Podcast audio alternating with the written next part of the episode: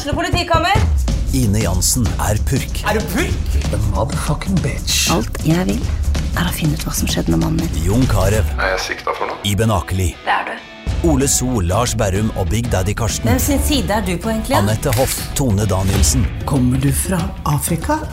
Jørnis Josef, Nesten. Kløfta. Trond Espen Seim, Det er synd å si det, men det var feil mann som døde.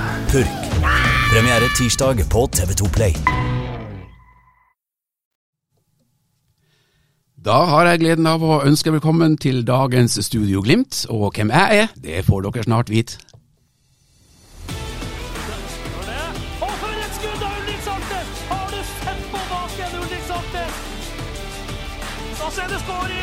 for skårer skudd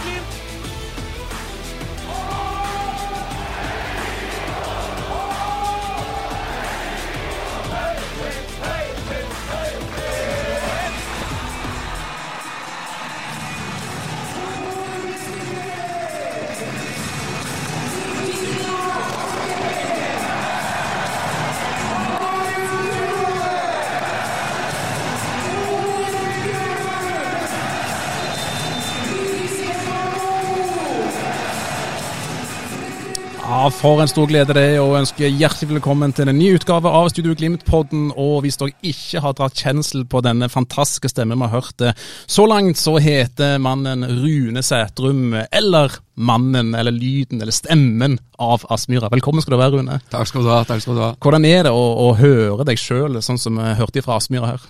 Nei, når jeg sitter hjemme og, og ser kampene i opptak, så eh, er det litt artig å høre stemninga på eh, Aspmyra stadion. Det pussige bare er at jeg, jeg kjenner ikke igjen min egen stemme når jeg hører den på TV, men det er tydeligvis meg. Det er absolutt det, altså. Freddy Thoresen, eh, velkommen til deg òg. Ja, tusen takk. Tusen takk.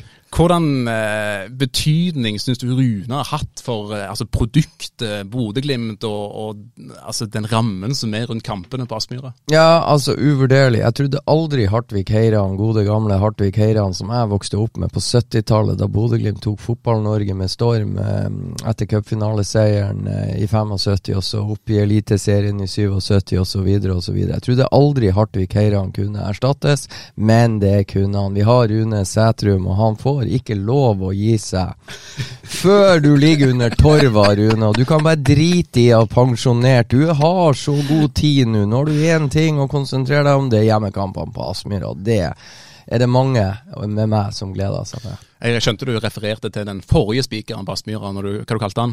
Hartvig Heiran. Og det er jo en legende, Rune. Ja, det er en legende for meg, og eller for Glimt. Han er jo en kjempelegende gjennom flerfoldige år i Glimt. For en fantastisk eh, time, eller to timer med foran oss her i Studio Vi sitter her og prater så lenge vi har lyst, og så lenge det er fornuftig. Kaffekanna er fylt, så her skal vi virkelig kose oss. Jeg er glad i kaffe. Har? Mitt navn det er Kjetil Rakene Sande og er nyhetssjef her i Avisa Nordland, og har nå altså gleden av å ha stemmen av Aspmyra på besøk her i Studio Glimt-podden. Og det passer jo fint i en periode hvor det ikke er Glimt-kamp, for en gangs skyld. Det er landslagspause, og da syns vi det er fornuftig å, å ta inn eh, deg, Rune. Og Hvor skal man begynne hen? Altså, hvor, hvor kom, eh, Hvordan gikk det til at du ble spiker på Aspmyra? Ja, hvor det gikk til. altså eh, Som nevnt i sted, Hartvig Eiran, som var jo eh, en legende i Bodø-Glimt. Han gikk ut av tiden i 2000, år 2000. Og på eh, tidlig i 2001 da, så var det en representant fra Glimt, han var vel eh, daværende arrangementsansvarlig, han eh, Rolf Mathisen. Spurte meg om jeg kunne tenke meg å være spiker fra Bodø-Glimt, og det kunne jeg jo egentlig ikke Karl videste verden overta etter han Hartvig som spiker.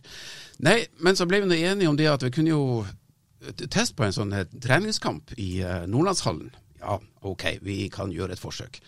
Der ble det testkamp, og jeg ble sittende i spikerbua som er eh, høyt opp under taket. Så jeg satt nå der alene, men hadde walkietalkie i forbindelse med noe nede. Men likevel glippa nå på et uh, spillebytte for motstanderen. da. Så Jeg så bare det at det var to mann som gikk ut, og det kom selvfølgelig to andre inn. Og siden jeg ikke visste noe mer, så må jeg jo bare si som så til publikum at eh, som dere så, så var det et spillebytte hos bortelaget. Det var to mann som gikk ut, og så kom det to andre inn. Så eh, det var en del av den kampen. Men eh, etterpå fikk jeg en tilbakemelding på at eh, selve spikertjenesten den gikk rimelig greit. Og ja, så ble jeg jo spiker, da. Det er fantastisk. Men når du ble spurt på den tida, hvilke forutsetninger hadde du for å være spiker? Hadde du gjort en sånn type oppdrag før, eller vet du noe om hvorfor du ble spurt? Eh, han Rolf Mathisen var jo òg litt aktiv i um, Innstranda idrettslag. Og jeg har jo tre eh, unger da som var aktive i idrettslag. Og der var jo en kjempegjeng med foreldre. Eh, vi hadde det kjempetrivelig i lag på flere forskjellige arrangement. og Jeg opptredde vel antagelig som en liten klovn i, diverse anledninger, men forutsetningen for å være spiker så, så jeg ikke for meg at det skulle være. Og så Det kom jo fryktelig overraskende på meg når Rolf spurte. Og det har altså blitt en ganske viktig del av, eh, av kampopplevelsen på Aspmyra, vil jeg si, eh, Freddy. Ikke bare Aspmyra, men kampopplevelsen når du går på fotballkamp, enten det er Norge eller utlandet. At spikeren er bra, det syns jeg er viktig, altså. Ja, det er uhyre viktig. Men det som er artig med Rune sin bakgrunn, det er jo, det er jo ikke kødd, det han sier. Det er en fantastisk foreldregruppe i Innstranda som drar og ser sine respektive håpefulle. Og så har han Rune Sætrum, han har en distinkt stemme. Det er det ene. Og så er han uhyre vittig og slagferdig.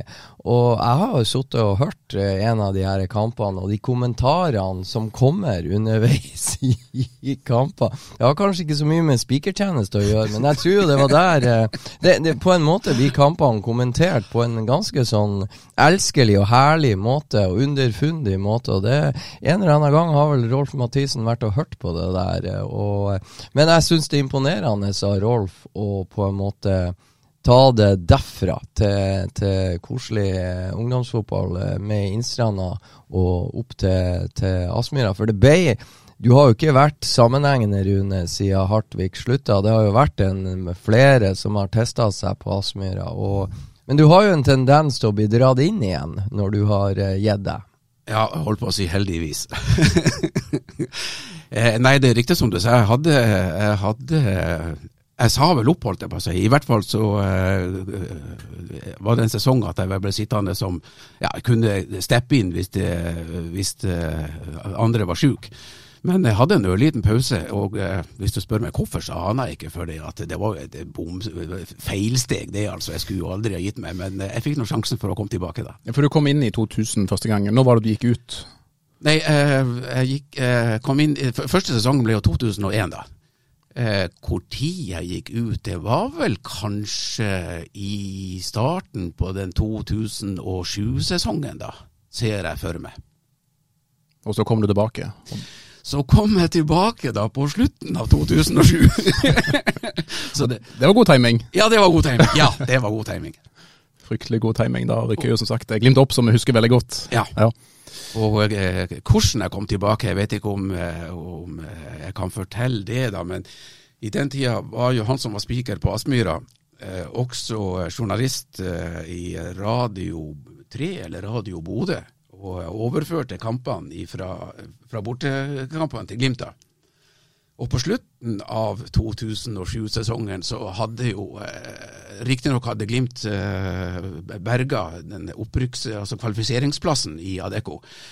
Men de siste kampene det var jo elendig fotball, så det var jo ingen som hadde tru på Glimt. Og det hadde vel heller ikke han reporteren i Radio eh, 8000. Og han kom vel med en del kommentarer, som, eh, som, journalist selvfølgelig, som ikke helt stemte overens med det som Glimt mente han skulle si. Blant annet så eh, presterte han vel å si at uh, Hoftun gikk opp i en uh, hodeduell alene og tapte. Og, og det, det, ja, det, var, det, var det verste. Og da fikk jeg en telefon fra Glimt at de, de, lurte på om, jeg, om jeg kunne tenke meg å begynne på igjen.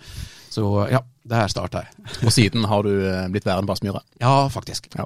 Men du kommer jo egentlig ikke fra Bodø, du er egentlig vestlandsgutt som meg? Ja, Er du òg fra Vestlandet? Ja, jeg kommer fra Vestlandet. Jeg, det hører du. Jeg er ekte sogning, skjønner du. Ja, du er det. Ja. Jeg er fra Aurland i Sogn. Du er fra Nordvestlandet, og jeg er egentlig fra Sør-Vestlandet. Ja. Men du har dialekten din, hører jeg. Nei, eh, hvis jeg drar hjem til Aurland og, og prater med, med, kompiser, så er jeg nok nedslepen. Jeg må tenke meg om hvis jeg skal snakke sogning, for jeg sitter ikke helt. Og eh, jeg ble jo ikke godtatt i Bodø før jeg kunne si eh, hunder. jeg sa jo hundre, ja. og, eh, og, og, så måtte jeg kunne si mannskit. Ja. Ja. ja. Og r-a, vi bruker jo r-a på, på, på, Vestlandet.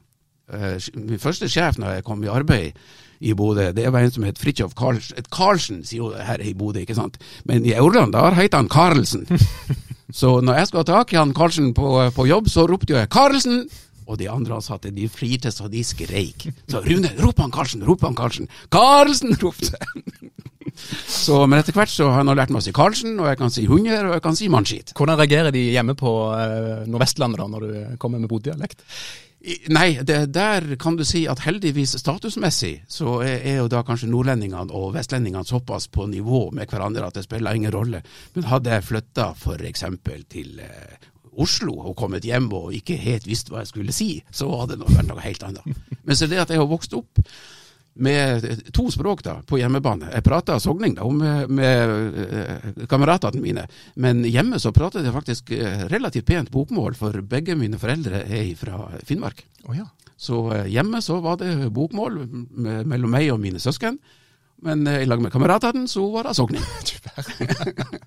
Og Hva var det som førte deg til Bodø når du kom opp hit, og når kom du? Ja, det var jo kongen som sendte meg eh, da eh, nordover, i, i dertil egnet blå uniform.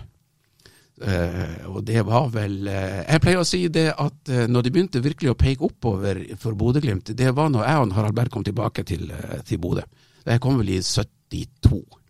Så kom han diltende litt etter. Ja, altså, og, og, og da snudde det. Ja. Du, det måtte være steike artig når Kristian Fardal Opseth drev og skåra mål eh, på bestilling på Aspmyra. Da kunne du nå Jeg kan ikke huske at du slo deg løs eh, med, med, med sogningdialekt eh, når han skåra. Nei, det har du nok rett i, men jeg husker vi hadde en kamp på Aspmyra imot Sogndal. Og da eh, presenterte jeg faktisk Sogndal da, eh, på Sognamål.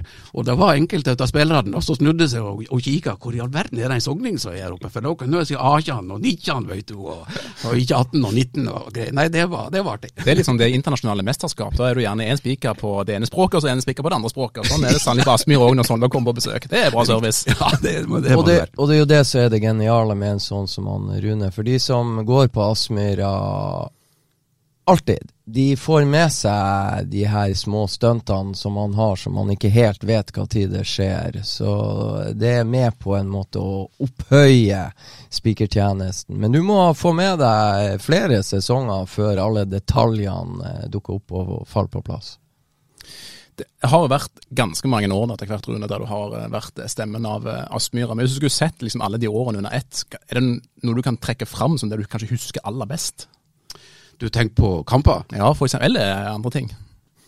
Ja, altså, jo- de, siste årene har vi jo opplevd fantastiske eh, ting på Aspmyra. Det er jo nok med å si eh, 6-1, så vet jo alle hvem, eh, hvem jeg tenker på. Og, eh, så er det jo én kamp som kanskje ikke var så mye kampen og spenninga, men det var det som skjedde etter kampen. Eh, Når jeg kom hjem, så ble jeg til og med oppringt fra en kar fra Avisa Nordland som lurte på hva i all verden som hadde skjedd. Det var jo den kampen da Glimt var veldig nært å sikre eh, seriegullet på hjemmebane. Eh, I løpet av kampen så leda vi 2-0 over Brann, og gullet var vel egentlig sikra. Og medaljene lå klar til utdeling, så ble det riktignok 2-1. Før kampen så eh, var det avtalt at det skulle ikke være noe resultatservice mens kampen gikk. Men når det nærmer seg slutten, så fikk jeg beskjed om at ok, nå ser det så lyst ut på alle kanter at eh, vi, vi kan eh, nevne litt resu- litt resultat. Så var det et eller annet lag som skårte på bortebane, da, eller på, på, en, på en annen stadion, eh, som gikk i, i vår favør, kan du si. Det, her skjedde i det at Glimt fikk tildelt et, et corner. Og mens de skal nå ta ballen og legge den på cornermerket, så har Spiker litt grann tid til å si noe. Ja, Brann seg ved corner, mener du? Ja, det er brannfri corner, selvfølgelig. Eh, da har jeg litt grann tid, og så kunne jeg komme med det resultatet, som jo var til vill jubel for publikum på, på tribunen. Så gikk corneren eh, brått, og Brann utligna til 2-2, og dermed så røk medaljene på hjemmebane. Og det ble jo huskestue. Det forsto ikke jeg før jeg var kommet hjem, for som sagt, der ble jeg oppringt ifra, ifra Freddy eh, som spurte meg hva det var som hadde skjedd. Og eh, etterpå så forsto jeg det at det var en, eh, noen som forsøkte å skylde på Glimt. Eh, Nei, skylde på meg at Glimt ikke tok den gullmedaljen på hjemmebane, men jeg syns ikke det ble min feil, da. Jeg er helt enig. Ta oss med tilbake der, Freddy. Hva, hva skjedde egentlig der? Altså, hvorfor, altså, fikk han Rune beskjed altså, før kampen om at han skulle ikke ha noe som helst resultatservice på, eh, på hele Ja, Bodø-Glimt har bestemt at det skulle ikke være resultat. Det visste jo vi journalister også, at det skulle ikke være noe som helst resultatservice underveis. Og, og eh, Fokus på eh, prestasjon, ikke sant, og det å slå Brann. Og Brann eh, var jo på tur ned i Obos-ligaen, ikke sant. Så det var jo i utgangspunktet ingen som hadde trua på at eh, noen skulle stikke kjepper i hjulene til Bodø-Glimt underveis. Men Bodø-Glimt skulle konsentrere seg om å slå Brann, da. Noe, de, de leda jo 2-0 til det var spilt 79 minutter, Ja. hvis ikke jeg husker helt feil. Og så var det nå sånn at jeg tror det var Lillestrøm som drev og kødda litt med Molde på eh, Røkkeløkka. Og eh, Thomas Lene Olsen og gutta boysen eh, eh, gjorde jo jobben for Bodø-Glimt der, hvis ikke jeg husker feil. Og, det, det var noe sånt som det der. og, så, eh, og så er det jo sånn at i euforien oppe i spikerbua for Rune sitter jo ikke alene der. Det er jo ganske mange eh, i, Glimt-systemet som er og, og, og gir nye direktiver underveis. Og han fikk jo nye direktiver, og fikk etter hvert lov til å informere om det som skjedde, både i Molde og på andre arenaer. Og da visste jo alle at hvis Bodø-Glimt holdt ut og vant, så, eh, så ville gullmedaljen deles ut. Og vi så jo også at eh, folk var på tribunetak både her og der for å eh, koble opp diverse fyrverkeri Ja, og fanteri. Det var jo veldig tydelig å se det. Og så var det da Bård Finne som dukka opp og tuppa, tuppa ballen inn eh, fra kort hold og, og ødela alt. Og så er det jo de første intervjuene da etter kamp, så er det jo et par Glimt-spillere som kommer med antydning om at Spiker ikke burde sagt sånn og sånn. Eh, og så tar jo det selvfølgelig løs i sosiale medier, og det fikk jo vi i avisa med oss, heldigvis ikke han Rune. Men jeg kjenner han Rune, så jeg visste nå det at hvis jeg ringte han og, og vi tok oss en prat, så, eh, så ville nå jeg få den der forklaringa hans. Og eh, vi var jo skjønt enige begge to at det har jo ikke noe med spiker å gjøre at eh, Bård Finne får lov å dukke opp umarkert inn i et felt og score 2-2. Det er det jo andre og rett fingeren på, tenker jeg. Men det er jo sånn det blir i kampens hete, og det vet jeg, det vet Rune, og vi levde godt med det. Og det ble en godt lest sak da, og eh, Glimt fikk avgjøre helga etterpå i Drammen. Hvordan var det å kjenne på det, at eh, folk mente du hadde skylda for at det gullet røyk på hjemmebane? Nei, det er jo, det er jo galt, det er galt å si at folk eh, syntes det. Det, var, det er alltid noen få som kommer med noe eh, innspill på, på, på Facebook. Jeg er ikke på Facebook sjøl, da, men det er jo noen ytterst få som har skarpe meninger. Og det var han der må holde kjeft og få han unna og i det hele tatt. Men så fikk jeg òg høre det at eh, det, var faktisk noen som stilte opp for meg òg, da, og sier at nå må dere roe dere ned. Altså, han gjorde jobben sin, så det gikk overhodet ikke inn på meg. Men var det kun for den kampen der at man ikke skulle ha en resultatservice, eller det var det noe som gjaldt Aspmyra hele den sesongen der? Og gjelder det fortsatt? Nei, altså på de siste rundene så uh, mener jeg at det ble sagt at vi ikke drev med resultatservice. Eh, men på den kampen spesielt i hvert fall, så skulle det ikke være noe resultatservice underveis. På den var det utro, den kampen ingen resultatservice. Og det er sånn som eh, sant? Det er samme som eh, plutselig så i dag stenger Glimt treninga, eller i dag er det ikke lov å intervjue spillere, eller i dag skal Bodø-Glimt melde inn én spiller som er tilgjengelig for media. Det er sånne nye regler som dukker opp fra tid til annen. og Litt impulsivt, kanskje. Og eh, på, når Brann kom på besøk, så hadde Glimt bestemt at Spiker får overhodet ikke lov å opplyse om noe som helst underveis. Før da, ti minutter før slutt, alt ser så jævla bra ut, så gjør de om på egen beslutning. Og det må jo Spiker forholde seg til. Og hvordan er de reglene nå? Får du lov å oppgi noe resultat nå? Eh, Nå er det faktisk Den beskjeden jeg fikk på sesongstart i år, det er at vi driver ikke med resultatservice. Og det kommer helt ifra øverste hold? Er det Knutsen som bestemmer det her? Eller? Det, det der eh, veit ikke jeg nok om annet enn at jeg får beskjed om hvordan det skal gjøres, og hvem som har gjort det vedtaket, det får nå eventuelt Glimt svar for, men det, vi driver ikke med resultatservice. Men av andre ting som du, eh, du sier på lufta eller ute på høyttalerne på Aspmyra, er det ting du har sagt opp gjennom årene som du har tenkt bare nei, dæven, det burde jeg ikke ha sagt? Nei, det tror jeg ikke. Nei? Nei, ikke noe jeg angrer på. Du har bare meldt eh, ting som har med kampen på Aspmyra å gjøre, og fotballrunden? jeg kan vel muligens ha dratt en eller annen eh, spøk spontant, men ikke noe som jeg angrer på. Jeg, jeg kan ikke si jeg husker noe spesielt heller. Eneste jeg husker en gang vi eh, Da gikk det en kamp eh, samtidig som det var eh, OL. Sommer-OL, selvfølgelig. Eh, og det var spydkast, og han, eh, han het Tor, Torkelsen. Torkelsen, ja. Han eh, tok jo gull der. Og eh, det skjedde mens kampen gikk, som sagt. Og eh, jeg kunne jo si til publikum at eh, eh, han hadde tatt gull eh, på- et kast. Og hvor langt han hadde kasta, det er jeg ikke sikker på, for de driver enda og leter etter spyd. Men, og det har jo ikke akkurat med fotball å gjøre, da. Men, eh, men det, var noe som datt ut den gangen. Ja, fikk publikum resultatservice til og med fra OL og spydkast. Det er jo fantastisk. ja ja, En annen, en annen ting som er litt artig, som av og til skjer Det, det, det, det kan hende at eh, Rune og gjengen uh, oppe i boksen glemmer å slå av Ja, det var det, da. knappen. Har det skjedd noe der? Eh, vi, vi har, nei, ikke sånn at eh, Ikke sånn at jeg har glippa noe som har vært eh, fått følger, holdt jeg på å si. Men, eh, men det blir sagt mye rart når vi er i Spikerbua, for det er en kjempetrivelig gjeng. Og det er ikke alltid at eh, fotballen er i fokus der oppe. Vi, vi må ta oss inn av og til, så jeg er glad at, eh, at vi får det som oftest husker å slå av Ikke mikrofonen. sant? Når Rune, ja, det er akkurat det. Slå av mikrofonen, så, så kan det gå tolv sekunder, så er det en eller annen i bua. Rune må slå av. Så Ja det er jo litt artig å høre det, da. Har det kommet ut? Du som er marsfyrer. Ja, vest, kommer det ut, vest. ja, ja. Men det er lenge siden nå. Ja. Det, det, I år har det vært nærmest eh, I år tror jeg ikke det har skjedd. Nei, og det er fordi at um, den eh, mikrofonen jeg har, den kan jo slås av og på, selvfølgelig. Eh, skal jo, jeg har etterlyst en sånn liten lysende diode, for det var det ikke på det, det gamle systemet.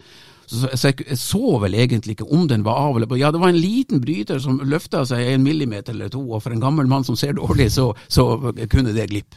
Men nå har jeg det, det lyset jeg kan forholde meg til, så eh, jeg har mer kontroll nå. Da er det trygt. Ja. Da er det trygt. Det er jo, er investert såpass mye på Aspmyra at eh, de 1000 kronene til den nye mikrofonen, det hadde de råd til. Absolutt. Men det er jo sikkert ganske strenge regler rundt det her, hva som er lov å si og, og hva som ikke er lov å si for en spiker. Ja, altså spikere har egentlig ikke lov å si noe annet enn en lagoppstilling og gule og røde kort og skåringer og skal være nøytral og eh, upartisk og eh, ja, det er reglement skrevet av eh, gubber i mørke dresser og slips, så det er, her skal det være rett fram. Så det at du egentlig viser mer engasjement rundt når Glimt skårer kontra bortelaget, det er egentlig ifølge regelverket feil? Ja, det står vel ikke så strengt, og, og, og eh, det blir vel ikke sett på som så strengt. Og hvis ikke det skal være lov. Altså, Nå sliter jeg jo mer med det her VAR-avgjørelsene. Eh, hvor tid får jeg lov å eventuelt gå på Vi hadde jo noe sist på Aspmyra, eh, en skåring som, som VAR tok. Eh, jeg kan jo ikke vente til at dommeren har peka på for så å kunne gå på. Altså, Når det er skåring, så er det skåring. Publikum vil være med. Så får vi jo heller ta det, de vareavgjørelsene når de kommer. Altså. Men vi kan, vi kan ikke stoppe opp engasjementet og gleden og euforien på stadion med det at vi venter på en, en vareavgjørelse. Vi, vi får ta de når de kommer. Så du skrur på mikrofonen idet ballen har gått i mål, da, da er du på? Omtrentlig momentant, ja. Vi har litt målmusikk, og så må jeg forsikre meg hvem det er som har skåra og greier, og så går vi på. Hvor vanskelig er det egentlig? Altså, Hvem som får gule kort, og hvem som blir bytta ut, og hvem som er målskårer og sånn. Er det kun dine øyne som følger med på det, eller hvordan følger Nei. man med på at det blir rett? Nei, heldigvis så er jeg ikke alene. Vi er, et- vi er et team som, som jobber i lag der. Vi har folk på indre bane med, med walkietalkie, som eh, litt følger jo med sjøl, men det er jo masse folk i spikerbua. Uh, hvis jeg skulle gjort det der alene, så hadde det skjært seg mang en gang, det skal jeg love deg. Så nei da, det, det, jeg er ikke alene på, på jobben, men det er nå jeg som er spikeren, da. Tilbake til det her med, med reglene som er for en spiker. Hvis du skulle få lov å bestemme helt sjøl og bare drete i alle regler, hva, hva endringer ville du gjort, eller hva ville du gjort som spiker hvis du fikk helt fritt spillerom? Ja, det er mye rart jeg ville ha gjort. Jeg har lenge ønska meg og å få mygga opp alle spillerne, sånn at vi kunne hørt hva, hva de roper og skriker til hverandre. Og samtalen mellom spillere og dommer underveis, f.eks. Hva er det de prater om? Det tror jeg publikum hadde satt kjempepris på. Nei, det, det der det skal jo være balansert, det spikeren driver på med. Men et, eh, et snev av humør som er passelig balansert Man skal ikke, man skal ikke sjikanere noen, det er ikke det det går på.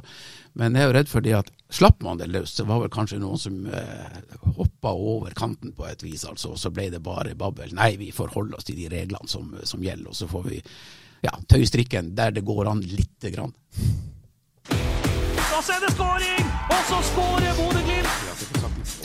Vi må òg gå litt inn på selve eh, kampdagen, Rune. Fordi eh, det har jo skjedd litt. Altså, min første opptreden, eller min, min første tilstedeværelse på Aspmyra, det var vel i 2012. eh, Og nå, elleve år senere, så har det jo det har skjedd litt med rammen rundt kampen, og det har skjedd litt med det som spikeren sier og gjør. Eh, Hvor kommer de viktigste endringene fra, vil du si? Er du sjøl delaktig, eller er det et team som jobber rundt det? Eller Fortell litt om, om hvordan dere jobber. Jo, det, det er faktisk eh, veldig viktig at, at ikke de tror at jeg gjør det her alene, for det er på langt nær. Vi er et team, selvfølgelig arrangementsansvarlig og en gjeng i Glimt. og ja, Det er flere som, som er med opp og legger sånn som det med Thunder som vi begynte med nå, og fyrverkeri og greier. Jeg har fått lov å vært med i det teamet rundt det når det blitt planlagt, men som sagt, jeg er ikke alene på det her. Det er en kjempefin gjeng som jobber veldig godt i lag. Vi har det kjempetrivelig. F.eks. det her med at når en spiller scorer, og du kun sier fornavn, og publikum svarer med etternavnet. Hvor kommer det fra? Ja, det, Hvor det kom det fra, det er vel vanskelig å si. Det bare kom. Altså, Plutselig så var det så Jeg fikk vel for mange år siden var det ikke en journalist som mente at det, det der var noe sånn håndballgreier, at man sa fornavnet. Det, det der skulle ikke være i fotballen. Vi skulle, men eh, det hører jeg, jeg er jo ikke alene om det i, i Eliteserien. Det her er jo på flere plasser. Og eh, det er jo kjempestemning. Og det er så artig å få det svaret fra publikum at jeg får nesten gåsehud på ryggen. Det er gåsehud, Freddy. Ja, og så er det noe med Jeg tror jo det skjedde Altså, i 2019 tok jo Bodø-Glimt eh, sølv, og det var sånn to- to- ta- 2002 cirka i snitt på kamp. Og så kom i 2020, som alle husker, hvor det er 200 tilskuere. 50 og 200 tilskuere inne på. Og så eh, Og covid, ikke sant. Og så kommer det gradvis. Og når, når, når man da slipper opp igjen, og, og Bodø by og, og Nordland fylke og Norge har jo fått med seg at det har vokst frem et storlag i Bodø, så det er klart, folk kommer jo på tribunene. og og det er jo lettere for eh, en spiker som Rune å få til det her med å si fornavnet, og så er det 6000 tilskuere som svarer. Det, det er litt mer schwung når det er 6000 som svarer enn 3000, Ja, ikke sant? Ja, så, det så det her er jo eh, fra større arenaer og, og, og Tyskland og England og hvor det nå måtte være, og så eh, skjer det vel helt impulsivt da, når det plutselig er 6000 og Bodø-Glimt skårer, og ikke bare én og to og tre ganger. Så ikke sant? I løpet av én og samme kamp så vokser det frem og blir steike bra, og da er det lettere å ta det også neste kamp, for skåringen kommer jo.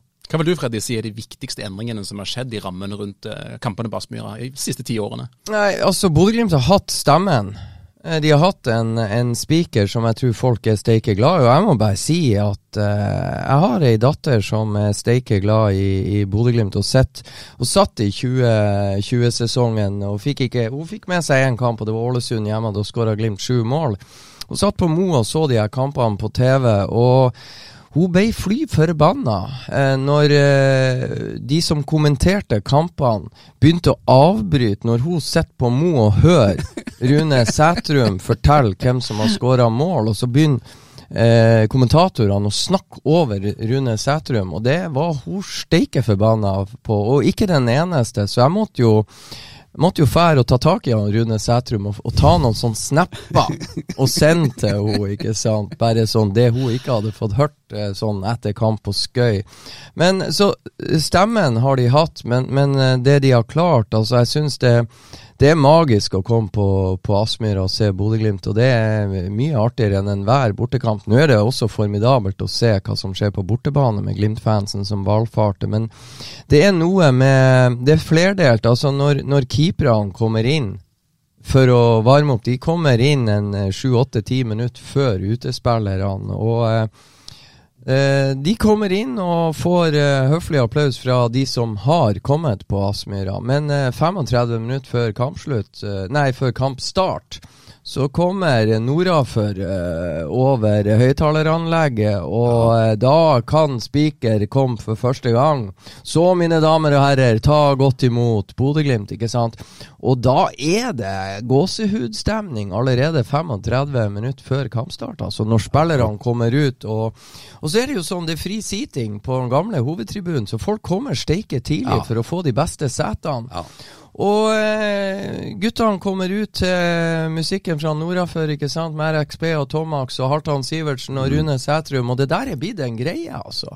Da starter det hele, altså. Og det, det starta faktisk i det at Nordafør starta på Ja. høyttaleranlegget. De venta ikke til spillerne kommer ut. Når Nordafør starta, da røyste folk seg og leit fram flaggene og er klare til å ta imot spillerne. Og, og, og alle, alle vet hva som skal skje. Og alle vet, altså De sitter tre-fire minutter før Nordafør kommer, sitter de og ser på klokka. Så alt er på en måte Alle vet det. Og eh, jeg må si jeg har sittet på Aspmyra og, og, og den her eh, barndomsminner fra eh, nord, eh, Nordland, eller hva den heter. Jeg syns det er dørge kjedelig eh, i mange år. Hvorfor? Det skal jo være fotball, det skal være Thunderstruck, det skal være eh, show, og vi skal, være, vi skal ikke i noen begravelse. Og så har man nå eh, klart å skape Det er jo nesten det mest magiske øyeblikket. Det har jeg aldri trodd. Når hele Aspmyra står i gult. Alle, altså Kommer du på Aspmyra uten skjerf, så ser jo folk rart på deg. Eller hvis du går til Aspmyra uten skjerf.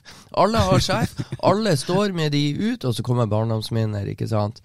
Og det er unisont, det er majestetisk, det er gåsehud, og så eh, eh, spriter man det opp. Så det er noe med timinga her som er så strømlinjeforma, og som er blitt så bra, som alle kjenner seg igjen med, som gjør at det å, å komme på Aspmyra er spesielt. Er du så fokusert i jobben din, Rune, at du ikke klarer å ta inn over deg den magien den gåsehudfaktoren som er der? Eller står du inne i spikerbua du òg og kjenner litt på at det her er faktisk ganske mye? Jeg må trekke pusten. eh, Og, og, og se. Det, det er helt fantastisk. Det er som du sier, gåsehud. Men jeg har jo gleden av det faktisk eh, eh, halvannen til to timer før kamp. For det som Freddy sier, altså. Eh, free seating, det gjør noe med folket som stiller opp. Og jeg kan jo kikke ut vinduet fra Spikerbua og ned Hålogalandsgata, og køen står altså ja, eh, 100 meter i hver retning fra inngangen, og det står pakka fullt altså en time, eller når de slipper inn en time før. Og det er mange jeg kjenner igjen. De kommer, de, de, de nesten springer inn for de skal ha setet sitt. Der har jeg sittet i alle år, og det er mange som har sittet der i, ja, i flere år, omtrent på samme sete. Og så har jo gjerne både stemmen din og musikken på Aspmyra kommet til sin rett òg, nå som man har fått et bedre høyttaleranlegg i forbindelse med disse europakampene. Det var vel et krav som kom fra Uefa der, at det skal være noe spesielt med de høyttalerne. Og, og det trøkket som du kjenner med, med, med ordentlig utstyr på lyden, det betyr en del, det òg. Ja da, det, det gjør det jo. Det, det gjør Nei, lydanlegg Jeg får litt tilbakemelding av og til at vi ikke har balansert lyden helt skikkelig godt. Men eh, fra det vi hadde før og til det nå, det er jo kjempesprang. Så eh, nei, det er flott. Nei, Jeg må gi kreditt til, til den gruppa som Rune har vært en del av, for, for det arrangementsoppbyggende, da. For det, de har fått det. Det er veldig mange detaljer som Altså, jeg, jeg trakk frem den 35 minutter før. Folk vet eh, 40 minutter før kampstart, så vet de at nå er det fem minutter igjen til det skjer. Og det er mange sånne elementer de har pakka inn som som er uhyre tøft. Og det, det ser du ikke på så veldig mange uh, eliteseriearenaer. For det er en fest hver gang Bodø-Glimt inviterer til eliteseriekamp. Det er ikke bare i Europa, det er den der eh, enorme stemninga. Så har både i Strømsgodset og i Haugesund og andre arenaer, så er det òg Lerkendal som Bodø-Glimt skal til nå når bildet Ton Ivers kommer. Altså, det er gåsehudfaktor, det òg. Men det er det er rett før kampstart. Uh, Bodø-Glimt har klart den der oppbygginga. Har flere elementer i det der eh, på tur opp og frem og inn mot kampstart som, som er imponerende, altså. Ja, fryktelig. Nå, trivelig. nå sitter jeg altså. og, og lytter nøye, for det var gode tilbakemeldinger å få. Altså. Det, var, det var sånn vi håpa det skulle bli tatt imot. Ja, og sånn blir det. Fryktelig cool. Jeg tar det med litt mer kaffe. Så har vi litt kaffepåfyll, Rune. Jeg kan gjerne ta en Ja, liten her skal du få kaffe. Du Freddy, skal du ha mer kaffe? Ja, det var, var så koselig. Det er Ja, på, kjempetrivelig, på hyttetur med stemmen Ja, fra det Aspmyra. Det, det er ikke hver dag. Jeg sender kan over og slipper å slå ut her. Du må ta oss gjennom, Rune, sånn en vanlig kampdag eh, på Aspmyra. Så ta oss med ifra, ifra du kommer på Aspmyra til du går. Hva Nei, gjør ta oss med. Hva spiser du før du kommer? Tar du på venstreskoen før høyreskoen, eller? Nei, det eneste, Samme truse. Det eneste, eneste som vi har eh, til til hver kamp Jeg har en kar som heter Geir Jeremiassen i lag med meg i Spikerbua. Han kjører lyd og, og, og spotter for reklame og saker og ting. Eh, vi har ei spesiell T-skjorte. Glimt-T-skjorte. Det vil si, det er ikke som spiller-T-skjorte, det er noe fra dommersida. Uh, ja, ei T-skjorte. Geir har Han, stjålet. eh, nei, han har fått. Han har fått. Ja da. Eh, det er da den sorte T-skjorta med en Glimt-logo, selvfølgelig. Og så har vi eh, dongerien, og så har vi faktisk eh, de, den, de joggeskoene som jeg har. Vi er litt kledd. Pumpel og pilt på Aspmyra. Og det må dere ha på hver kamp? Ja, det har vi på til hver kamp. Og vi, vi, vi, det er nesten så vi må ringe hvis det er dårlig vær. Hva tar vi på oss i dag? Men vi, vi, har, vi har de samme klærne på oss. Og hvis de skulle bli ødelagt eller til vask den dagen der, da Det er det som forbauser oss. Det må være en fantastisk kvalitet på den T-skjorta spesielt. For den har vært med i jeg vet ikke hvor mange år, og den ser like fin ut. Og den er blitt vaska og kokt og stekt i mangfoldige omganger. Nei, ellers så er vi um, Jeg har ikke noen rutiner. Så nå er det det er jo rutineprega, kanskje selve spikeroppdraget, at vi er såpass innøvd. Men uh, vi stiller opp uh, en par timer før uh, kampstart. Da har vi et forberedende møte med arrangementsansvarlig. det går jo relativt greit. Men så er det å få tak i lagoppstilling, da. og og kaffe går det selvfølgelig på, men så veldig mye sånn ellers som skjer, er det ikke. Det, det, det er jo rutiner. Vi, ja. Hvor mye er automatisert i fingrene og i stemmen din? Altså, må du liksom bli ganske fokusert for å få alt til å stemme, eller går ting veldig av seg sjøl? Av seg sjøl er vel drøyt jeg, aldri, jeg, kommer aldri på stadion og sier at det her det tar vi lett, for det her har vi gjort så mange ganger før. Og jeg må være forberedt, selvfølgelig, sjøl om det er enkle saker. Eh, litt sitte i magen når vi starter, men når vi er i gang, så er vi i gang, og da skjer det som skjer. Blir du nervøs før du skal på? Kanskje ikke nervøs. Spent, kan vi si spent. Mm. Ja, det kan vi si. Og som jeg har sagt før, vi har til tider eh, kjempetrivelig, eh, den gjengen som er i Spikerbua. Og det hender at vi er langt utafor det som har fotball å gjøre. Og da må jeg faktisk ro de ned og be dere, nå nærmer vi oss sending, folkens. Nå må vi ro oss ned her oppe. Og eh, det kan være litt vanskelig, da, for som sagt, vi har det jæklig artig. Er det folk som kjenner deg igjen basert på stemmen? Hvis du er ute og går en dag i gata i Bodø og noen hører deg prate, blir du gjenkjent på en måte? Ja, du gjør det? Ja, det gjør jeg faktisk. Ja. Av og til så er det folk som jeg aldri har verken sett eller hørt, som sier 'Å, det der er spikeren på Aspmyra', og de vil hilse og det greier. Og det er så trivelig. Jeg syns det er kjempetrivelig. Er ikke det ganske stas? Ja, visste det det. Ja. Visste det det. og jeg lurer jo på, hva, hva, gjør du, eller hva gjør Glimt, altså hvis du våkner en uh, søndag morgen og kjenner at uh, stemmen er i ferd med å briste, og, og, du er syk rett og slett, hva gjør dere da? Ja, ja da første, tap Bodø-Glimt. ja. nå, nå uh, heldigvis så utrolig nok Jeg vet ikke om jeg har vært borte en eneste kamp siden eh, 20, nei, 2018-2019. Men altså, den jobben er ikke verre enn at de som er i spikerbua, altså har vært med på en masse kamper før, eh, glatt kan overta spikerrollen. altså. Geir er jo kjent. Han, han er jo spiker bl.a. på uh, futsalkamper i Bodø. Sånn at uh, det er ikke noe krise om jeg er borte. Dessverre, så jeg tør jo ikke å ikke stille opp. Da finner de kanskje en annen. Har du sittet i spikerbue noen, noen gang og vært i tvil om, om stemmen holder? Ja, det går an å skrike seg, å, å skrike seg opp, holdt jeg på seg, såpass at eh, det, det sprekker. Og spesielt uh, Sørli. Uh, hvis du skal avslutte med Sør, da får du en høy I her oppe, og da kan det klø litt i halsen. det hadde vært krise, Freddy. Ja, nei, det er krise. Og jeg vil bare at uh, du skal bekrefte her for alle at uh, du hadde noen sånne uh, håpløse tanker i 2006 og 2007, men, men, det er klart det er ingen planer om å gi seg. Nei da, nei da. Nei, jeg har ikke planer om å gi meg. Det, nå er jeg nå pensjonist, sånn at nå har jeg jo tid til det her. Ikke sant? Ja da, ja da. Ja. Og, og, og, for ikke å snakke om det vi nå opplever med Bodø-Glimt på Aspmyra for tida, det er ikke hvem som vil gi seg nå. Nei. Det går ikke. Nei da, nei da. Hvor god peiling har du på fotball sjøl? Nei, det er skammelig lite. Ja da, det har, jeg vet hva offside er, sånn sett. Men, men når jeg sitter og ser på diverse TV-program, når diverse fotballeksperter prater, da, så blir det blir for langt og for tungt for meg. Altså, Jeg greier ikke å følge med på, på alt de sier. Nei, jeg, ikke i den grad greier på fotball. Er du nå ute på andre arenaer sjøl og, følger Glimt og, og, ser hvordan de gjør det der, eller har du stort sett hus på Aspmyra?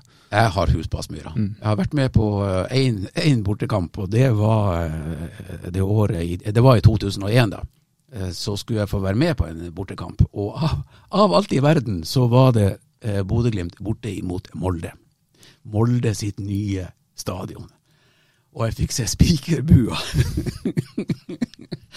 Spikerbua der, det var som en eh, trestjerners restaurant, holdt jeg på å si. Så nå forstår jeg hvorfor vi på Aspmyra kaller det for Spikerbua, for vi har ei bu. og de var kjempestolte av, av, anlegget sitt, selvfølgelig. Jeg fikk jo omvisning av en, en kar der, og, og, det er et virkelig flott stadion der. Så nei da, vi har nå Aspmyra ennå. Så du vet hvordan du vil ha det hvis det skulle bli nytt stadion her i Bodø, så vet du hva du vil ha? Ja, nå er jeg redd for det at de kanskje tar med seg den gamle spikerbua, for det er jo så mye i veggene som eh, vi må ta med oss. Nei da, det blir vel en ny, ny spikerbue òg, vil jeg tro. ja. Vi snakket jo om hva som, hva som er ønsket, og hva, hvordan du ville gjort det hvis eh, du ikke hadde hatt noen regler for å holde deg til. Men hvis vi skulle tenkt enda noen neste steg for å løfte liksom produktet rundt Kamp og Aspmyra, hva kan man gjøre da? Hva tenker du Freddy? Er det mer man kan gjøre for å lage produktet enda bedre? Nei, jeg tror, eh, som jeg sa, den oppbygginga som Bodø-Glimt har skapt til egne arrangement på hjemmebane, eh, taler for seg sjøl. Og så tror jeg hvis Bodø-Glimt skal ta nye steg, så må de ha et nytt stadion. For det handler om eh, det handler om eh, tilgang til toaletter, det handler om tilgang til, til, det å få kjøpt kaffe og vafler og, og den slags. Og, og, det er klart, Bodø-Glimt-fansen reiser jo rundt. Eh, det er noe annet å komme eh, på stadion i Molde, det er noe annet å komme eh, til Lerkendal. Det er noe annet å komme til Skien. Så Aspmyra er et stadion som ble bygd i 1966. Så hvis Bodø-Glimt skal ta dette ytterligere steg, så tror jeg det enten så må Aspmyra totalrenoveres, eller så må de bygge et nytt stadion. Vi må dit før de skal klare å gjøre så mye mer. For etter min vurdering, så det som skjer fra i timene før eh, kampstart og, og, og, frem til, det er optimalisert. Eh, og det er imponerende. Og så er det fasilitetene for publikum underveis. Jeg har vært på kamper i Nederland, og der er det diverse varmeapparaturer som, som er oppunder taket, som uh, kommer med varme ned til publikum, sånn at du sitter høvelig. Du, du, fryser ikke feber på deg selv om det er ti minus uh, ute. og det, det, er den type ting som, som Bodø-Glimt kan heve eget produkt. Ikke produktet ute på banen, men opplevelsen for publikum. og uh, det er som sagt bygd i 1966, og det bærer det preg av. Men uh, det har uh, en enorm sjarm. Det uh, har det fortsatt. Så jeg ser ikke hva, hva, hva, som kan gjøres for å forbedre. Ikke sant? Det blir ikke tak bak det ene målet ned mot flyplassen, selv om vi gjerne vil det.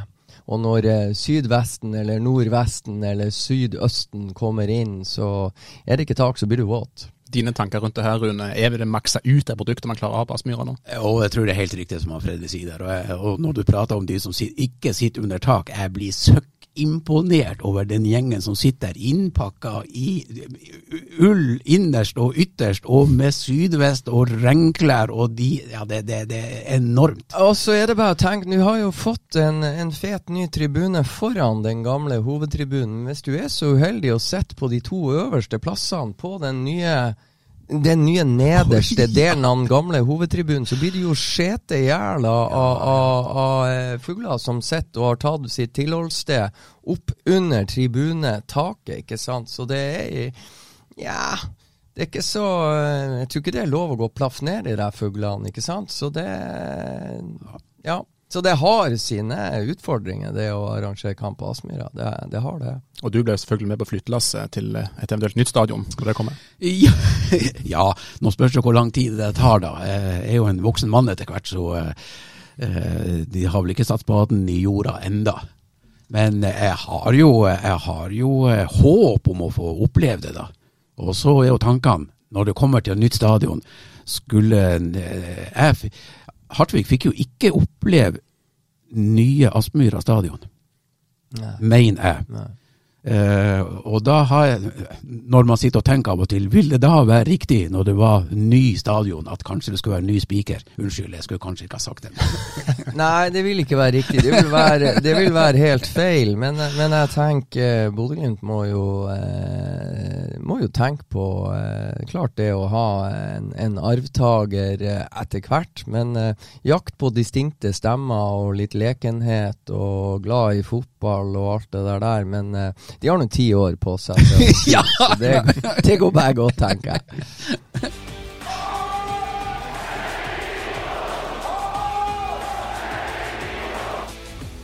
stemmen av stemmen, eh, stemmen fra Aspmyra som ikke kjenner igjen egen stemme. Jeg likte den ganske godt, jeg, Rune. Det var veldig bra.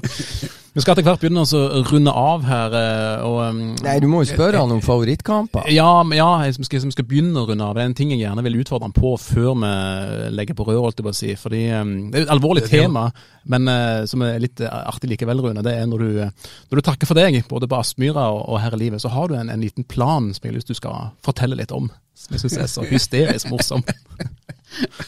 Ja, jeg flirer litt sjøl nå, men nå høres det ut som at det har kommet en snev av lekkasje fra spikerbua. Altså, for eh, De er ikke helt tett i veggene. der, Nei, det forstår jeg da. Altså, jeg trodde jo det at det man eh, sier i spikerbua, det blir i spikerbua, men, men tydeligvis ikke.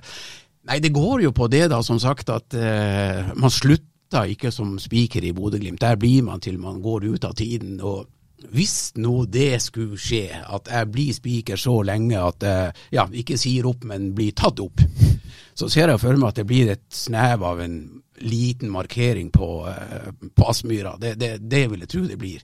Men da, da skal det ikke være noen så alvorlige greier med ja, at det her var trist. Hvis man har levd ut og hatt det skikkelig trivelig og blitt en gammel mann, da ser jeg for meg at J-feltet greier å dra i gang hele publikum, og så sier de 'Spikeren i kista! Nå har vi spikeren i kista!' Ja, det, det eneste som er synd med det, er at jeg vil jo ikke få oppleve det sjøl. Men eh, det, det, tror jeg publikum hadde syntes var trivelig. Men hva med å spille inn et forhåndsspilt eh, klipp av deg sjøl, eller du sier sjøl at nå er spikeren i kista? Der fikk vi en idé. Ja. Der fikk vi en idé. Det kunne vært Vil du ta den her og nå? Vil du spille den inn her og nå? Hvordan skal det høres ut? Nei, eh, vi- den må vi ta litt senere. Det er fint når det kan være en litt sånn humor rundt det her. eh, Et alvorlig tema. Ja, vet du, et alvor, du alvorlig tema fikk meg til å tenke på eh, gode gamle Gråfjord, som eh, eh, faktisk eh, Bodø-Glimt er inne i sin femte sesong på øverste hylle i norsk fotball, og det, det, det er noen år tilbake så, så eh, var lille Gråfjord utafor Narvik og slo Bodø-Glimt hver gang de møttes og kom over dem på tabellen i nordnorsk eh, andredivisjon avdeling F. og men det gikk jo nedover med Gråfjord også, og det, de hjemmebanen til Gråfjord heter Sletta, og spikerbua der, apropos spiker, er bak det ene målet. Der satt spikeren, og det var samme spiker som hadde fått med seg alle nedturene, hadde fått med seg oppturen med Gråfjord, og så var det nedtur. Og det var siste seriekamp, og Gråfjord hadde rykka ned. Jeg tror de hadde bestemt at laget skulle legges ned etter det her, og det var da hadde lokalavisa Fremover kommet på besøk hos spikeren før kamp, hadde et intervju med denne legendariske spikeren, tatt bilde fra hans plass, og du så på en måte Første spikeren, ikke sant. Vinduet der han ser kampen, og så kom det ene målet, og så kommer banen, da, ikke sant. Og tittelen på den saken var jo 'Siste spiker i kista'. og jækla dobbel betydning i alle sammenhenger, Ja. så um, ja. Det fikk meg nå til å tenke på når Rune begynte, så, så er det mange måter å markere på. Det er det absolutt. Vi begynte med dine sterkeste minner rundt Aspmyra, og vi må gjerne avslutte litt med det òg. Hva, hva er dine beste minner og beste kamper som du husker tilbake til? Ja, når jeg tenker bakover, da, eh, da, da hopper vi over alle de kampene vi har hatt nå med, mot eh, europeiske lag på Aspmyra de siste årene. Men eh, det blir 2007, det. Og da, da er det egentlig to kamper. Først så satt man hjemme, og så Det var opprykkskamp, da. Vi hadde jo kvalifisering fra Adecco og opp, og vi skulle spille imot Odd, som da eventuelt kom til å rykke ned. Og det var jo en fantastisk eh, bortekamp. altså Glimt eh, tok ledelsen 1-0 med han eh, Thiago Martins ganske tidlig i kampen. Men så fikk jo vi, jeg sier vi, utvist en spiller. Så Glimt spilte jo store deler av den kampen med, eh, med 10 mot 11. Riktignok ble det vel en utvisning på Odd og underveis, da, men det var nå helt på slutten. Og jeg minnes det som at Odd hadde flere store sjanser for å både utligne og eventuelt vinne kampen, men Pavel Londak gjorde jo en kjempejobb i mål. Så eh, de forlot jo da Odd med, å, med seier, 0-1 på borte, og skulle spille hjemme på Aspmyra. Og eh, den kampen utpå høsten, eh, det var jo mørkt og kaldt, men folk fikk jo plutselig trua igjen etter den kampen borte. Stappfullt Aspmyra stadion. Og det går relativt kort tid, så leder jo Glimt eh, 2-0, og stemningen sto selvfølgelig i taket. Og eh, det som jeg husker best, da, det er jo når dommeren blåser av kampen og vi skal spille Eliteserien året etterpå. De, det, det- var omtrent som de skulle rive ned gammeltribunen. Altså, den vibrerte seg. Jeg tror den slo ut på Richters skala. En fantastisk opplevelse. Så den, den sitter ganske så spikra. Har man ikke klart å gjenskape den stemningen der når i senere år? Altså, det er ikke sikkert det betydde mer at man rykte opp, men hva er det som gjør at liksom, det ble så enorm stemning da? Ja, hvor mye hadde vi opplevd på, eh, på Aspmyra stadion før den tid? Det må nesten da Freddy svare på. Altså, si- sånne store kamper som ga et sånt resultat. Nei, det som var så spesielt med det Rune sier, er at Bodø-Glimt eh, Det er korrekt. Det var eh, Molde blant annet, tror jeg røkka opp, og HamKam tror jeg røkka opp. Og deres opprykk var klart. Og så var det klart at Bodø-Glimt skulle få den der kvalikplassen. Og det var klart fire serierunder for slutt, sånn at uh, de fire siste kampene av serien hadde egentlig ingen betydning. Og det, det sies jo at uh, Erik Hoftun og Kent Bergersen endra litt på treningsopplegget for å på en måte bygge opp en liten formtopp til, til den der perioden med kvalikkamper mot, mot eventuelt Odda eller et annet eliteserielag. Og det gikk jo på bekostning av resultatene eh, de fire siste kampene i serien, som da toppa seg med 0-4 i Sarpsborg. Og det var ikke Det ble ikke særlig godt mottatt. Og det var jo egentlig bare Hoftun og, og, og Bergersen og guttene som visste om den her lille endringa, ikke sant. Det var ikke kommunisert ut så godt, så de måtte jo prøve å bortforklare 0-4 i Sarpsborg i nest siste eller siste serierunde. Så stemninga var rimelig muggen i Bodø, rett og slett. Og ingen hadde forventninger på at Bodø-Glimt hadde noe som helst. Mens Odd på sin side hadde sikra seg kvalik kvalikplassen da med å, å vinne alle de siste kampene og komme i sånn superform. Det var jo enorm entusiasme i Skien. For de var, de var klar for nedrykk, men så fikk de det der halmstrået. De kom seg forbi og sikra kvalikplassen. Så de skulle bare spasere seg til seier over Bodø-Glimt. Og sånn ble det ikke. Så det var noen kontrastene her, hvor uventa det var. Og, og den mobilis mobiliseringa i Bodø fra 1-0 i Skien, seier da, til denne hjemmekampen var helt formidabel. Og det er jo da Glimt-fansen slår til og får smugla inn ei, ei klokke eh, på rommet til Rune Almenning Jarstein som tikker, ikke sant. Det kunne høres mistenkelig ut som ei bombe. De fikk jo smugla det inn, merkelig nok, på et hotellrom for å forstyrre nattesøvn. og Sto med noen bannere og ønska de velkommen på, på flyplanen. Break a leg, sto det.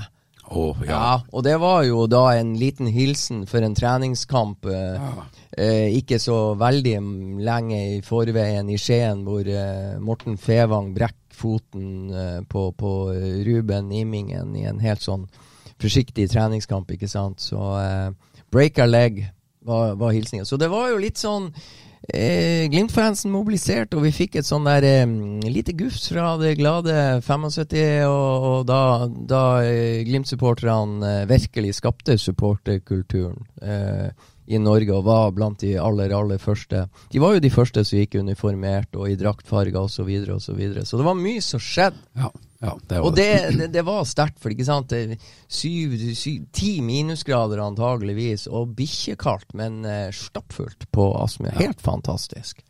Den husker du godt, og det har sikkert vært lignende kamper òg, som mindre tilbake på, som har brakt noe i nærheten av samme stemning. Jo, det, det kan nok ha vært. Jeg, greier ikke å plukke ut noe nå, da, for, eh, men eh, for den Odd-kampen, den, den var spesiell, altså. Kåre Ingebrigtsen kom da til ferdig opprykt eh, lag når han overtok som trener året etterpå, var det ikke sånn? Jo, det var ingen Ja. som visste. Kåre, det var Erik og Kent Bergersen har ført, ført Bodø-Glimt opp, og Bodø-Glimt har ansatt Kåre Ingebrigtsen. og og han bare kom i intetanende Ja, ja, ikke intetanende, men Kent Bergersen bare varenær levert, ikke sant. Ja. Kåre hadde jo signert for et Obo, eller Adecco-lag, og så sto han plutselig og, og skulle trene et eliteserielag. Nei, så det var utrolig mye artig, og eh, ja. Jeg skjønner veldig godt at, eh, at eh, Rune trekker frem den. For det var liksom så overraskende at det skulle skje. Folk skjønte ingen, altså folk skulle jo sparke alt og alle, og plutselig var Bodø-Glimt i Eliteserien. Og det var i hvert fall ingen som hadde regna med, fordi at HamKam og, og Molde var såpass suveren. Det var langt framtid. Ja, ja, ja. Og så ble det jo perfekt start året etterpå, hvor HamKam kommer til Aspmyra i første serierunde, og, og eh, hadde jo vært mye bedre enn Bodø-Glimt året før. Og HamKam med Arne Erlandsen og skulle opp til Bodø og ta tre poeng, men nei da. Kåre Ingebrigtsen sitt lag vant eh, 2-0. og Bodø-Glimt endte på fjerdeplass. Runar Berg mener jo at eh, Tromsø ble nummer tre og Bodø-Glimt nummer fire, og vi må jo bare skrive tabellen om på nytt, for det var ei feilaktig annullert skåring på Alfheim som gjorde, altså som Runar Berg skåra. Det var overhodet ikke offside. Runar var én meter onside. Jeg og Runar er jo enige om at den skåringa skal stå, så egentlig så var det Bodø-Glimt som tok bronse i 2008, og Tromsø skulle hatt fjerdeplassen. Det har vært eh, mange uforglemmelige minner, og Glimt er jo gjerne inne i en de er jo inne i en fantastisk tid. Hvor, hvor lenge tror du det har vart, Rune? Er det her sånn vi har blitt vant til å se Glimt? Er det sånn vi skal se det i, i framtiden òg? Jeg har vel sagt som så at for det første, den eh, 2020-sesongen eh, som vi fikk oppleve, med, eller vi få som fikk oppleve det på stadion, eh, det får vi ikke oppleve igjen, altså, for de satte jo alle mulige rekorder. Uh, vi hadde et fantastisk lag som var så samspilt, og det tok jo Norge og Europa nesten i dag med storm. Jeg mener at å få oppleve noe sånt som det her i Bodø, det skal nesten ikke gå an. altså En bitte liten fiskerlandsby i nord, fri for fiskere faktisk òg. Og hvor lenge det holder ja, det er, det er, bare å krysse fingrene, men jeg har, veld, jeg har sånn tro på de her um, Laget er nå én ting, og at de er så gode som de er.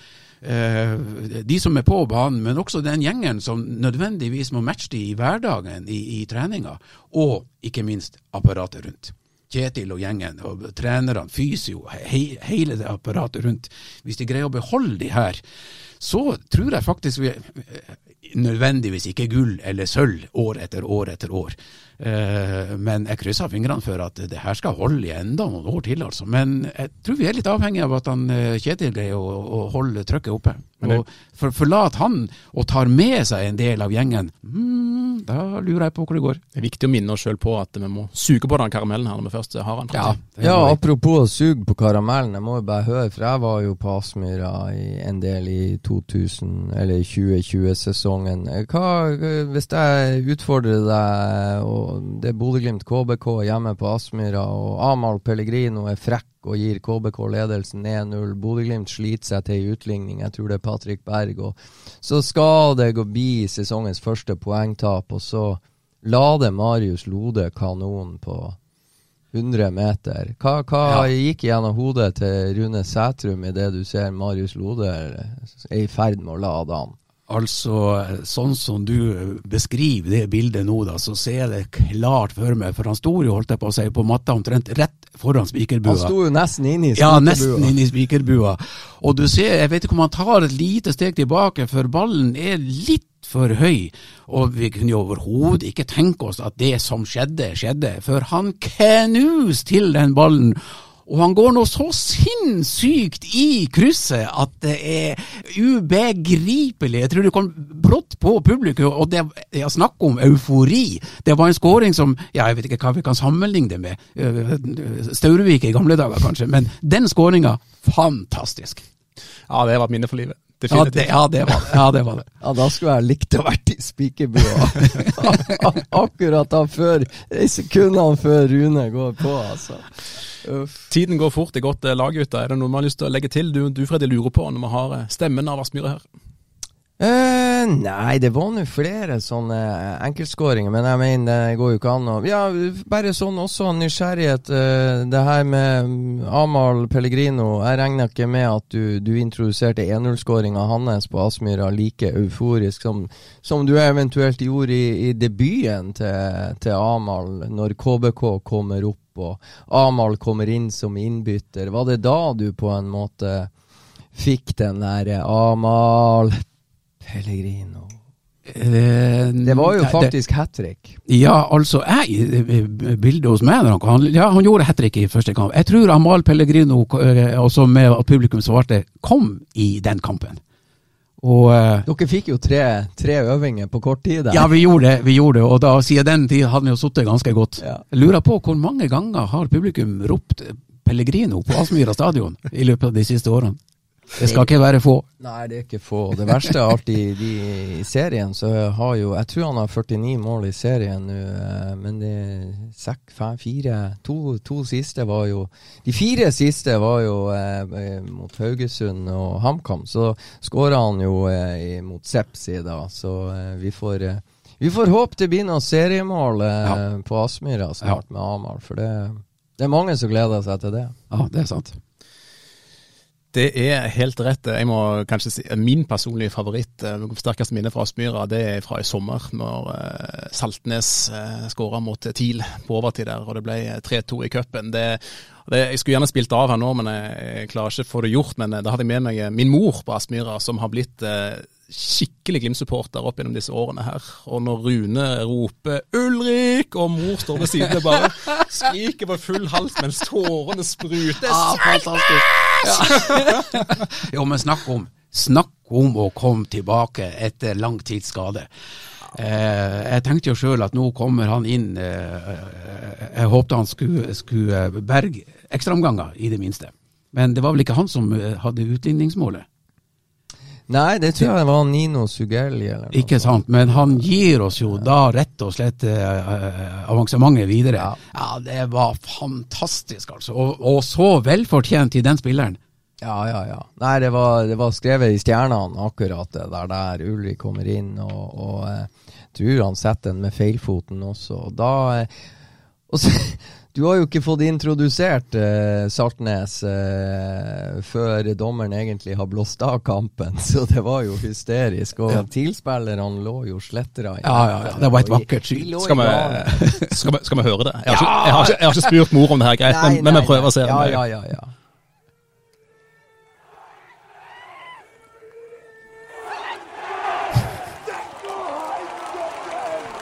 Jeg tar han en gang til. Ja, ja, ja.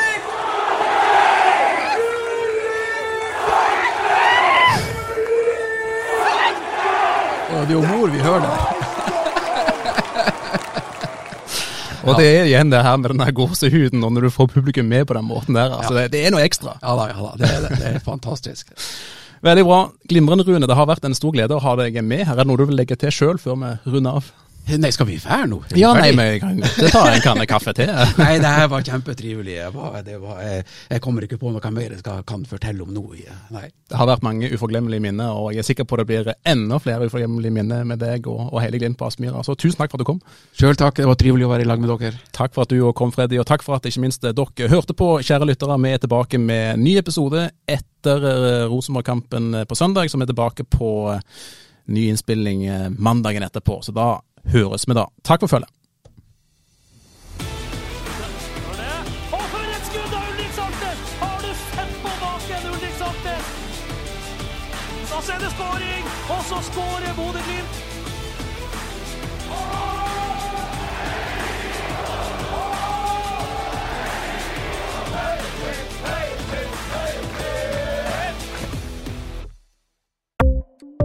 Ukens annonsør er HelloFresh.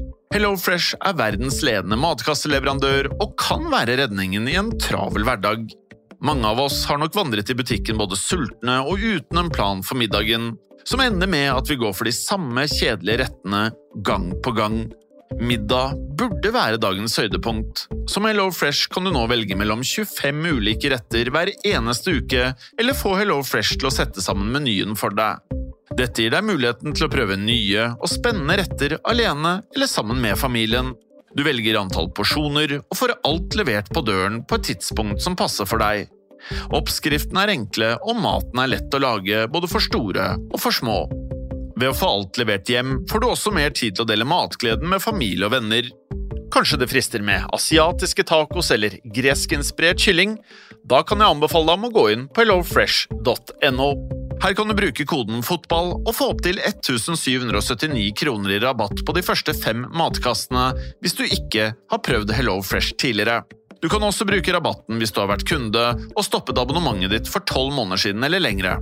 Gå inn på hellofresh.no og bruk koden FOTBALL.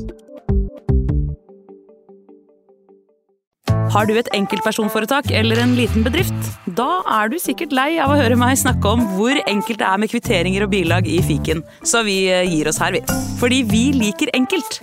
Fiken superenkelt regnskap.